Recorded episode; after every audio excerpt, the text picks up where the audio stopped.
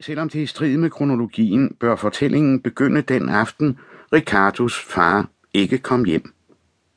Han husker, at han den aften så anden halvleg af Juventus Torino i tv. Han så alle Juves kampe i tv, fordi hans far var medlem af Juve-fanklubben i byen. Kampen endte 1-1, og det var begge hold tilfreds med. Der blev ikke noget for tilskuerne i Torino at slås om.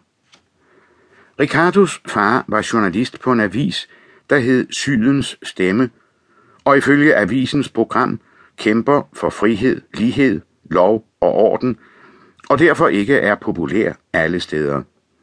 Ricardos mor er tandlæge og brød sig ikke om avisens kurs, eller for den sags skyld om Ricardos fars job, fordi han ikke havde faste arbejdstider. Desuden blev arbejdet på bladet farligt, da det begyndte at blive nærgående ved at undersøge den kommunale administration.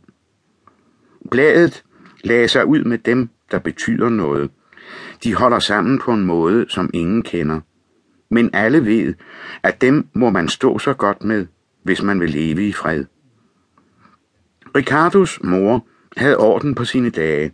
Hun møder i god tid på klinikken og parkerer simkagen i parkeringsbåsen i gården ved muren med et skilt med hendes navn. Hendes patienter kommer til tiden, og hvis de kommer mere end 10 minutter for sent, uden en førsteklasses undskyldning, noteres de i regnskabet for den tid, der var sat af til den, og får en ny tid, som de selvfølgelig også skal betale for.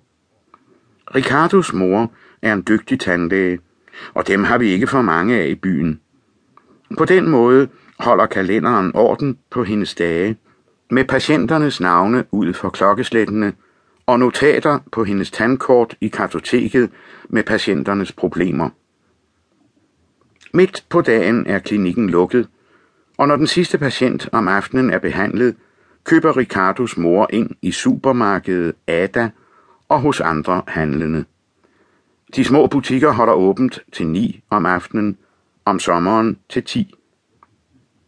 Ricardos fars arbejdstider varierer efter de opgaver, han arbejder på.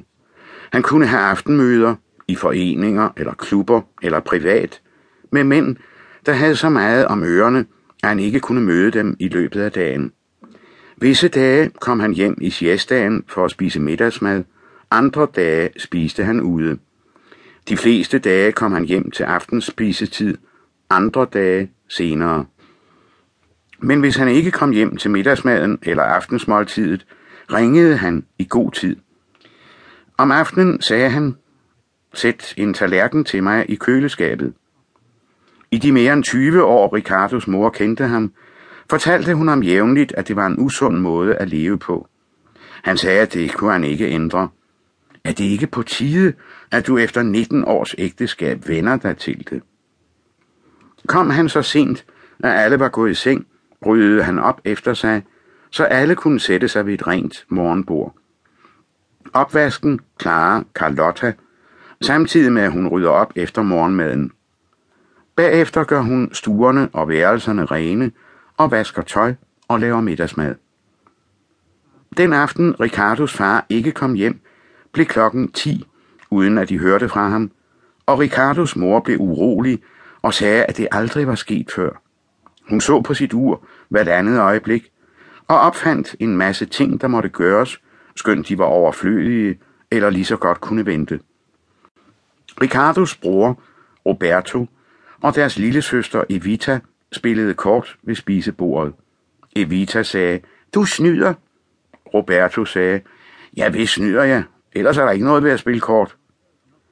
Evita er otte år yngre end Roberto, der er tre år yngre end Ricardo, der netop var fyldt 18. Evita sagde, jamen du snyder, så jeg ikke kan undgå at opdage det. Roberto sagde, nej, først snyder jeg, uden at du opdager det, men så prøver jeg, hvor meget jeg kan snyde, før du opdager det. Du er faktisk ikke særlig kvik. Så kom de rigtig op af skændes, og uret på dækketøjskabet slog 11. Hold op med at skændes, og gå i seng alle tre, sagde Ricardos mor. Hvad kan der være sket? Hun skænkede et glas juice, og Ricardo, Roberto og Evita sagde godnat og kyssede.